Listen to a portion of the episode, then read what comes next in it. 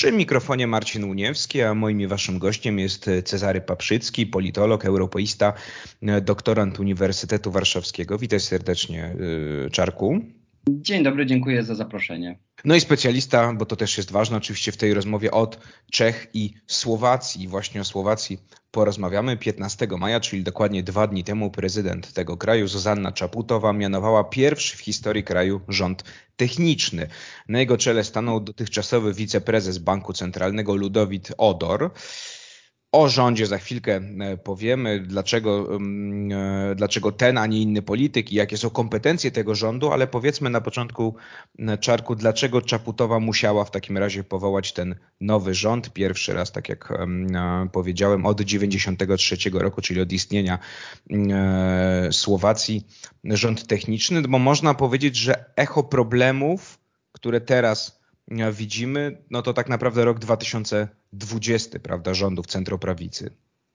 Dokładnie tak. Początek e, nowego rozdziału w historii Słowacji, czyli, czyli przejęcia władzy przez centroprawicę, powrót do władzy po, po wielu latach rządów e, lewicowych czy, czy lewicowo-populistycznych, to początek de facto też problemów. Ten rząd złożony z e, partii, które które nawet trudno wymienić, bo one do tego stopnia się fragmentowały i, i, i, dzieliły, że mm, ta liczba była dość płynna. No ale centroprawica nie była w stanie rządzić skutecznie, stabilnie, mimo że miała bardzo stabilną większość na początku, bo to była nawet większość konstytucyjna. No ale mm, wewnętrzne spory, nie tylko ideowe, ale też w dużej mierze personalne między politykami E, rządzącej koalicji doprowadziły do tego, że e, no, zmienił się premier e, z lidera ówczesnej koalicji Igora Matowicza, lidera zwycięskiej formacji.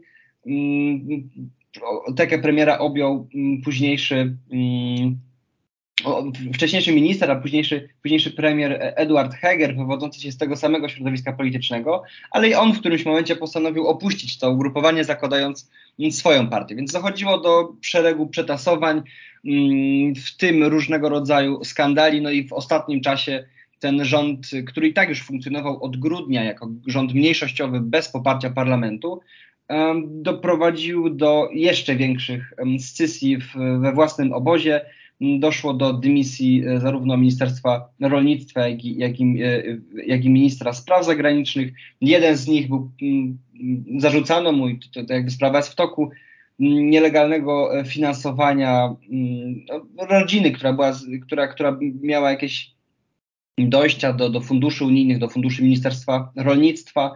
No a minister spraw zagranicznych uznał, że po prostu ten rząd już nie funkcjonuje, więc, więc on z niego odchodzi z racji tego, że to był rząd mniejszościowy od grudnia, on miał bardzo ograniczone kompetencje, on raczej administrował niż rządził, przez to na przykład premier nie mógł wskazywać nowych y, ministrów i, w, szczytowym okresie sam pełnił funkcję jednocześnie minister, ministra zdrowia, finansów, jak i e, no, rolnictwa i spraw zagranicznych musiał wypełnić. Więc ten rząd stał się kompletnie niefunkcjonalny, przestał odpowiadać e, na zapotrzebowania społeczne. No i to było też widać w sondażach, bo wszystkie partie tworzące rząd liczyły, mogły liczyć na 15-18% poparcia, więc no, powiedzmy, że nie była to jakaś satysfakcjonująca mm, liczba zwolenników.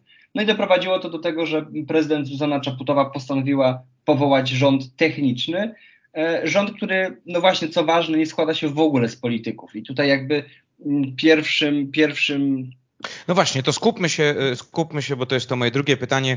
Właśnie, kim jest e, Ludowit Odor, czyli, czyli premier obecny? No i kto wchodzi w skład rządu, bo to jest gabinet technokratów, prawda, można by tak powiedzieć. Byłych polityków, byłych urzędników.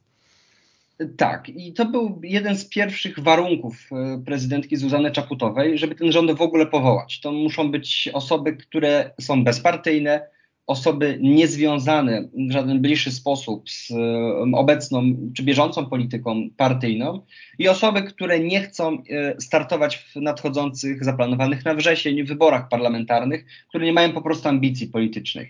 Mm, więc to był jeden warunek, a z drugiej strony, biorąc pod uwagę, że zbliża się okres wakacyjny i no, jest to pewnego rodzaju mm, zazwyczaj stagnacja polityczna, a z drugiej strony trwa na Słowacji już kampania wyborcza, tutaj kolejnym, kolejnym warunkiem było to, żeby nie były to osoby całkowicie z zewnątrz, osoby, które mm, dopiero będą uczyły się tych ministerstw, więc postawiono w dużej mierze na byłych wiceministrów lub osoby w jakiś sposób związane z instytucjami państwa, po to, żeby mogły sprawnie przejąć mm, władzę i, i, i, w jakiś sposób doprowadzić kraj do, do tych wrześniowych wyborów. Sam Ludowik e, Odor jest byłym wiceprezesem Narodowego Banku Słowacji, mm, ekonomistą, jak samo sobie mówi, pragmatykiem. No i co też ważne w e, słowackim kontekście, jest, e, ma korzenie węgierskie, pochodzi, pochodzi z tej mniejszości węgierskiej, więc to też jest ważne, bo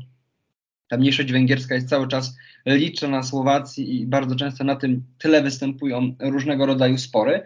No sam o sobie mm, mm, przedstawił, kiedy, kiedy przedstawiano go, jego rząd przedstawił takich pięć mm, celów, które sobie stawia na te, te, te niecałe pół roku. Mówił o stabilności, o, o tym doprowadzeniu do spokoju, o nieangażowaniu się w kwestie światopoglądowe, no i o tym technokratycznym zarządzaniu państwem. Wszystko, wszystko brzmi E, i publicyści oceniali to bardzo, no bardzo negatywnie, wskazując, że to, to, to są takie slogany, że być, być może właśnie Słowacja tych sloganów teraz potrzebuje i, i jakiejś chwili um, oderwania od bieżącej polityki, a ta jest y, zdecydowanie dynamiczna i zdecydowanie to, to, to, ta temperatura sporu politycznego na Słowacji e, bije rekordy dochodzi do rzeczywiście e, nie tylko fali populizmu, ale też wyjątkowych oszczerstw i ataków personalnych, więc ten rząd ma być poza tym. Ten rząd ma funkcjonować, e, w jakiś sposób zarządzać państwem.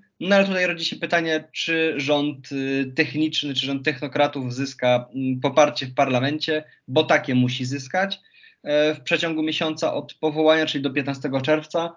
No niewiele wskazuje na to, żeby parlament wyraził takie wotum zaufania. Moim i waszym gościem w Radio Campus e, cały czas Cezary Paprzycki, politolog, europeista, doktorant na Uniwersytecie Warszawskim no oraz ekspert do spraw Czech i Słowacji, a my o Słowacji rozmawiamy. 15 maja prezydent Zuzanna Czaputowa mianowała pierwszy w historii mm, e, rząd techniczny Słowacji na to wszystko przez kryzys, który tak naprawdę trawił partię centroprawicowe od 2020 mm, roku. Na czele tego rządu e, stanął dotychczasowy wiceprezes Banku Centralnego Ludowit Odor, ekonomista. No i to ma być taki rząd technokratów. Trochę zacząłeś, Czarku, już o tym mówić. Jakie zadania stoją przed tym rządem? E, do 14 czerwca to wotum zaufania i chyba się nie zanosi, tak jak też powiedziałeś, na to, że, że to wotum uzyska, więc to będzie znów gabinet mniejszościowy. Czy tymi zadaniami to jest takie po prostu administrowanie państwem, taki trochę dryf do tego 30 września, czyli do wyborów przedterminowych, czy jednak e, jakieś cele, nie wiem, budżetowe chociażby tutaj będą, będą próbowali mm, podejmować e, ministrowie? W związku z budżetem rzeczywiście mm, zarówno ta strona publicystyczna, jak i też prezydentka Czaputowa pokładają duże nadzieje w nowym rządzie, bo są to w dużej mierze na czele Ministerstwa Finansów, jak i sam premier, no to, są, to są ekonomiści kształceni na Zachodzie y, w dużej mierze albo mający styczność z zachodnimi instytucjami.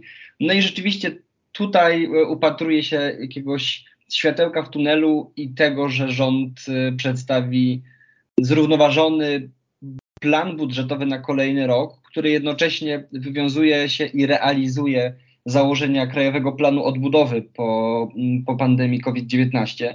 Więc tutaj rzeczywiście e, to jest główne zadanie rządu. No, tylko warto wspomnieć o tym, że jeżeli mm, ten gabinet Ludowika Odora nie uzyska wotum zaufania, a niewiele na to wskazuje, bo zarówno e, lewica, jak i część e, skrajnej prawicy zapowiedziały, że tego poparcia nie udzielą, rząd będzie miał konstytucyjnie po prostu ograniczone kompetencje, więc on nie będzie miał realnych prerogatyw do rządzenia krajem, on będzie tym krajem po prostu administrował, więc nawet jeżeli to będą technokraci, to rzeczywiście ten, ten rząd nie będzie miał zbyt dużego pola do manewru. No i to możemy bardzo łatwo przełożyć chociażby na realia, które obserwowaliśmy mm, kilka miesięcy temu, czy kilka lat temu, w tym przypadku e, we Włoszech, gdzie rzeczywiście też funkcjonował rząd techniczny y, z technokratą na czele Mario Draghi były były bankier, tak, ekonomista stał na czele rządu, tylko że ten rząd rzeczywiście był popierany przez no de facto wszystkie partie od prawa, od prawa do lewa. W tym przypadku mamy rząd techniczny, bezpartyjny czy apartyjny nawet, który tego poparcia może nie zyskać, więc no, Słowację czeka raczej administrowanie przez najbliższe pół roku w cieniu e, dość brutalnej, ostrej kampanii wyborczej. Kluczową postacią y, słowackiej sceny politycznej w tej bezprecedensowej sytuacji no, została prezydent Zuzanna Czaputowa, bo to ona doprowadziła do powołania tego rządu technicznego. Jakie ona ma kompetencje, mm, y, Czarku? Bo jeśli chodzi o legislatywę, no to chyba trochę większe niż polski prezydent, chociaż też no, nie, jest to, nie jest to główna rozgrywająca yy, na Słowacji. No i czy jej działania będą teraz decydujące właśnie w tym okresie przejściowym, kiedy prawdopodobnie będziemy mieli jeszcze nie dość, że rząd techniczny, to jeszcze mniejszościowy, tak jak powiedziałeś. No rzeczywiście to, był, to jest pierwsza, pierwszy raz w historii Słowacji, kiedy prezydent decyduje się na, no można by powiedzieć tak, radykalne rozwiązanie jak powołanie rządu technicznego, de facto biorąc część odpowiedzialności na siebie za powołanie tego rządu, bo rzeczywiście jest to pewnego rodzaju eksperyment, który wcześniej nie funkcjonował na Słowacji, no co widać, że już może odbić się um, echem i, i, i, może w jakiś sposób wpłynąć na przyszłość Czaputowej, ponieważ e, opozycja, w tym przypadku Robert Fico, lider słowackiej opozycji, najgłośniej krzyczy, że to nie jest rząd Słowacji, tylko że to jest rząd Czaputowej. I on wskazuje, że on tego rządu w żaden sposób popierał nie będzie, ponieważ mm, to są jacyś e, wysłannicy Czaputowej i, i on tutaj nawołuje do, e, do, do, do tego rozdziału, tak, mm, pokazania, że parlament ma władzę nad tym rządem, powinien mieć władzę nad tym rządem, a, a nie prezydent.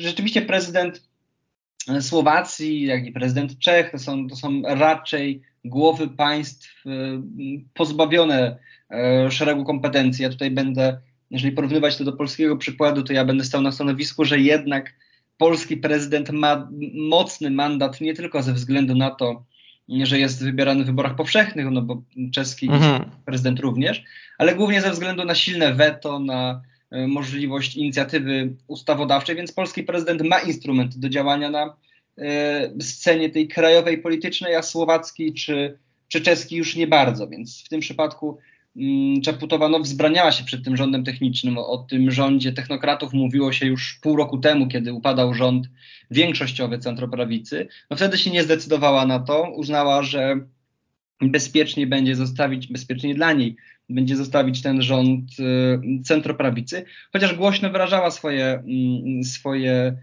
y, obiekcje co do różnych działań, no ale one zazwyczaj pozostawały Mm, tylko takim publicystycznym komentarzem nie, nie miały większego wpływu na politykę rządu. Rząd funkcjonował, mm, funkcjonował w swoich ramach i niespecjalnie przejmował się e, prezydentką, która no, raczej wywodzi się ze środowiska liberalnego niż, niż chadeckiego czy centroprawicowego. Więc w tym przypadku ona trochę ryzykuje powołując ten rząd, ale pokazuje też, że prezydent jest pewnego rodzaju stabilizatorem i, i, i chce w aktywny sposób uczestniczyć e, w polityce, a nie tylko e, kreować tą, czy komentować tą politykę z pałacu prezydenckiego. A dla niej to też ważne, bo w przyszłym roku wybory prezydenckie, prawda? Więc e, tutaj tak, Zuzanna Czeputowa też to dla niej też ważne, jak ją ocenią Słowacy. E, ona cały czas cieszy się dość wysokimi sondażami zaufania społecznego, więc, więc to y, mimo wszystko jest pewnego rodzaju sukces, że jej udało się zachować tak wysokie y, sondaże popularności, mimo tego, że jej partia notuje około 14% poparcia, więc, więc partia, z, którego, z której ona się wywodzi, no nie jest jakoś specjalnie mm, spektakularną siłą polityczną na Słowacji, a prezydentka potrafi utrzymać w jakiś sposób y, wysokie słupki poparcia, no ale tutaj też nasiliły się bardzo mocno, no, dość brutalna gra, bo zarówno ze strony um, centroprawicy, która, która ją y, krytykuje, no, Igor Matowicz, lider do niedawna największej partii na Słowacji, y, partii rządzącej, mówił, że kiedy patrzy na Czaputową, to ma takie wrażenie tendencji monarchistycznych, że ona by chciała za bardzo angażować się w politykę.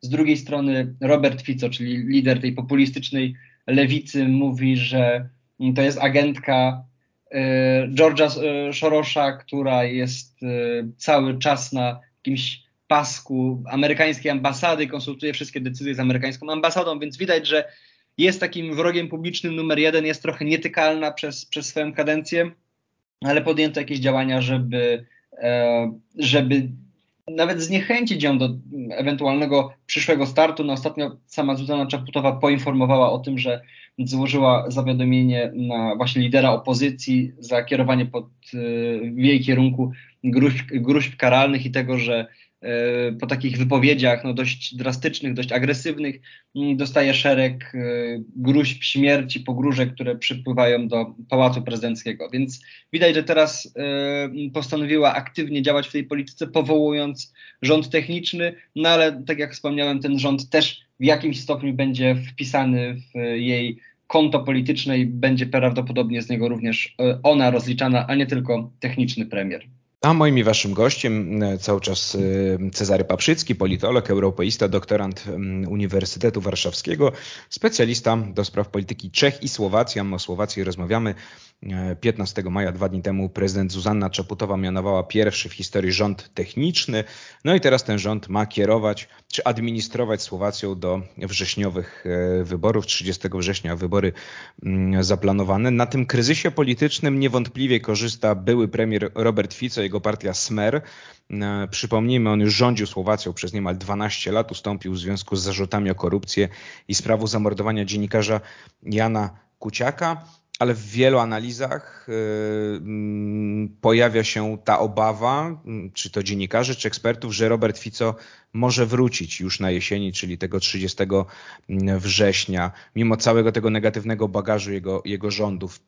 Myślisz, że jest takie ryzyko, czy na ile ono jest realne, może w ten sposób, że Robert Fico znów będzie premierem Słowacji?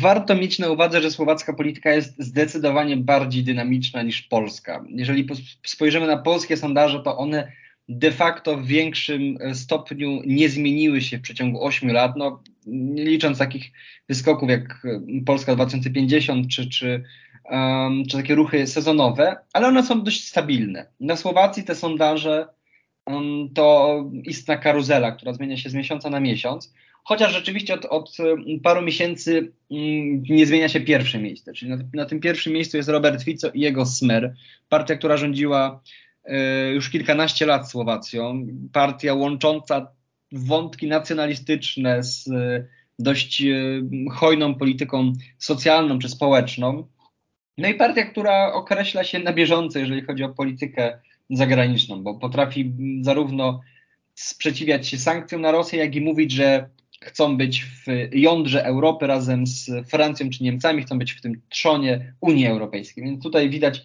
mm, pewien brak spójności, ale Słowakom to nie przeszkadza. Smer wrócił na, na czoło sondaży. Cały czas pojawiają się i wraca jak mantra pytanie, z kim będzie rządził, no bo ta, ta większość nie jest jakaś spektakularna, to jest 18-20% poparcia, no i to jest pierwsze miejsce mm, w słowackich sondażach ale rzeczywiście Robert Fico będzie potrzebował sojuszników. No i tutaj z jednej strony mówi się o byłym premierze i byłym e, polityku jego partii, e, e, Peterze Pellegrinim, który założył swoje ugrupowanie. Ono jest drugie w sondażach, no ale starało się od tej populistycznej retoryki odciąć. Z trzeciej strony mówi się o z jednej strony prosocjalnej, konserwatywnej partii Smerodina, a z czwartej strony o mm, pochodzących czy wywodzących się E, z ugrupowań neonazistowskich e, ruchu Republika. Więc tutaj widać pewną egzotykę od, od e, takiej populistycznej lewicy po neonazistów i być może to będzie przyszły rząd mm, Słowacji. Ale warto też pamiętać, że w 2020 roku, dosłownie na miesiąc przed elekcją, partia centroprawicowa, konserwatywna, raczej niczym się nie wyróżniająca, notująca 10-12% poparcia, partia Oliano, Y, potrafiła wskoczyć w ciągu miesiąca na 25% poparcia, operując nagle hasłami antykorupcyjnymi. Więc tutaj rzeczywiście może się mm, wszystko zdarzyć, chociaż wydaje się, że ta pozycja lidera sondaży, ta pozycja Roberta y, Fica jest niezachwiana. Być może stary premier będzie też nowym premierem Słowacji. Zobaczymy, jak będzie we wrześniu. Fico wie, że jest na fali, dąży do tego, też jest, dlatego jest przeciwnikiem tego technicznego rządu, bo widzi, że gdyby wybory były zaplanowane szybciej, to on zdecydowanie szybciej zyskiwałby też poparcie i, i, i na tej fali wznoszącej mógłby się utrzymać. Co będzie do jesieni, trudno powiedzieć. Wiele też zależy od tego, jak będzie rozwijała się sytuacja w Ukrainie, bo to jest mimo wszystko mm, też wątek dość ważny, nie tylko ze względu na uchodźców, ale na samo pozycjonowanie się Słowaków. No, warto pamiętać, że Słowacy obok Bułgarów czy Greków to najbardziej prorosyjska nacja w Unii Europejskiej, więc y, oni tutaj ewidentnie dążą, czy, czy, mają takie zapatrywania na Rosję, jako nie jako agresora, tylko Rosję jako po prostu państwo wciągnięte w konflikt. No właśnie, Czarku, to moje ostatnie pytanie, bo mimo tych nastrojów od 2020 roku faktycznie mm, ta no, krusząca się koalicja centroprawicy jednak utrzymywała prozachodnich kurs. E, Słowacja zdecydowanie poparła Ukrainę w, mm, w, w, w wojnie, mm, w obliczu rosyjskiej agresji. Ja wiem, że do wyborów jeszcze sporo czasu, te scenariusze mogą być różne, ale na, no na ile realna jest taka groźba, że jeśli Robert Fico doszedłby do władzy, to polityka w stosunku do Stanów Zjednoczonych, które Fico krytykuje, w stosunku do NATO, do Unii Europejskiej, no a przede wszystkim właśnie do Ukrainy, no mogłaby się zmienić. No Fico jest oskarżany, prawda, o jawną prorosyjskość w jego wypowiedziach czy w jego poglądach. I co ciekawe, Fico rzeczywiście w swoim dyskursie jest otwarcie mm, prorosyjski, albo nawet nie tyle prorosyjski, co antyukraiński. On rzeczywiście mówi, że mm, kiedy obejmie władzę, to już pierwszego dnia nawet jeden pocisk e, słowacki nie trafi e, do ukraińskich magazynów, że wstrzyma całkowicie e, wsparcie militarne czy, czy, czy, czy wsparcie finansowe Ukrainy, ale z drugiej strony, o czym też donoszą słowackie media, utrzymuje bardzo dobre relacje z ambasadorami, również z ambasadorem Stanów Zjednoczonych i nawet e, kilka tygodni temu doszło do spotkania Fica z szeregiem ambasadorów, których e, na, spotkaniach, których podkreślał, że zależy mu na tym, żeby utrzymać prozachodni e, kurs Słowacji, na tym, że Słowacja jest integralnym członkiem Unii Europejskiej i NATO i on nie ma zamiaru w żaden sposób nic w tym zmieniać. Więc tutaj wraca stary, dobry Robert Fico, czyli przede wszystkim pragmatyk, nie ideowiec, nie ideolog, człowiek nastawiony na pragmatyczne działanie. Trudno powiedzieć, na ile mm, zmieniłaby się polityka czy kurs Słowacji po tym, gdyby e, on został premierem. Wszystko zależy od koalicjantów. Jeżeli to będą rzeczywiście głównie narodowcy czy, czy, czy neonaziści, no to ten kurs będzie zdecydowanie bardziej ostry ale jeżeli znajdzie się jakaś partia chadecka, czy, czy wspomniany już przeze mnie Peter Pellegrini i jego chlas, czyli no de facto socjaldemokracja, to ten kurs na pewno nie będzie mm, zaostrzony. Powiedziałbym, gdybym miał prognozować dziś, że raczej Słowacja z Ficem na czele to będzie Słowacja pozycjonująca się mniej więcej na pozycji Węgier, może trochę, trochę delikatniej, która nie będzie aż tak głośno podkreślała swojego sprzeciwu, ale będzie na użytek wewnętrzny pokazywała, że dąży do pokoju, że to jest konflikt między Stanami Zjednoczonymi a Rosją i Słowacja nie powinna w tym w żaden sposób e, brać udziału, a z drugiej strony być może po cichu na forum unijnym czy na forum NATO będzie e, zgadzała się albo nie będzie Słowacja wetowała dalszych dostaw uzbrojenia. Więc wydaje mi się, że ten pragmatyzm będzie kluczowym e, czynnikiem. No i warto też pamiętać, że jednak kampania ma swoje prawa i kiedy, kiedy Słowacy chcą usłyszeć mm, dany slogan, to go usłyszą, a po wyborach rzeczywistość bardzo często jest e, zgoła odmienna i kiedy przychodzi do rządzenia krajem, to dochodzi rzeczywiście do zmiany kursu. Cezary Paprzycki, politolog, europeista, doktorant na Uniwersytecie Warszawskim, był moim i waszym gościem. Czarku, bardzo Ci dziękuję za rozmowę. Dziękuję. My oczywiście sytuacji na Słowacji będziemy się przyglądali. Wybory 30 września przedterminowe. A to była Róża Wiatrów. Ja się nazywam Marcin Muniewski, a my się słyszymy w środę za tydzień.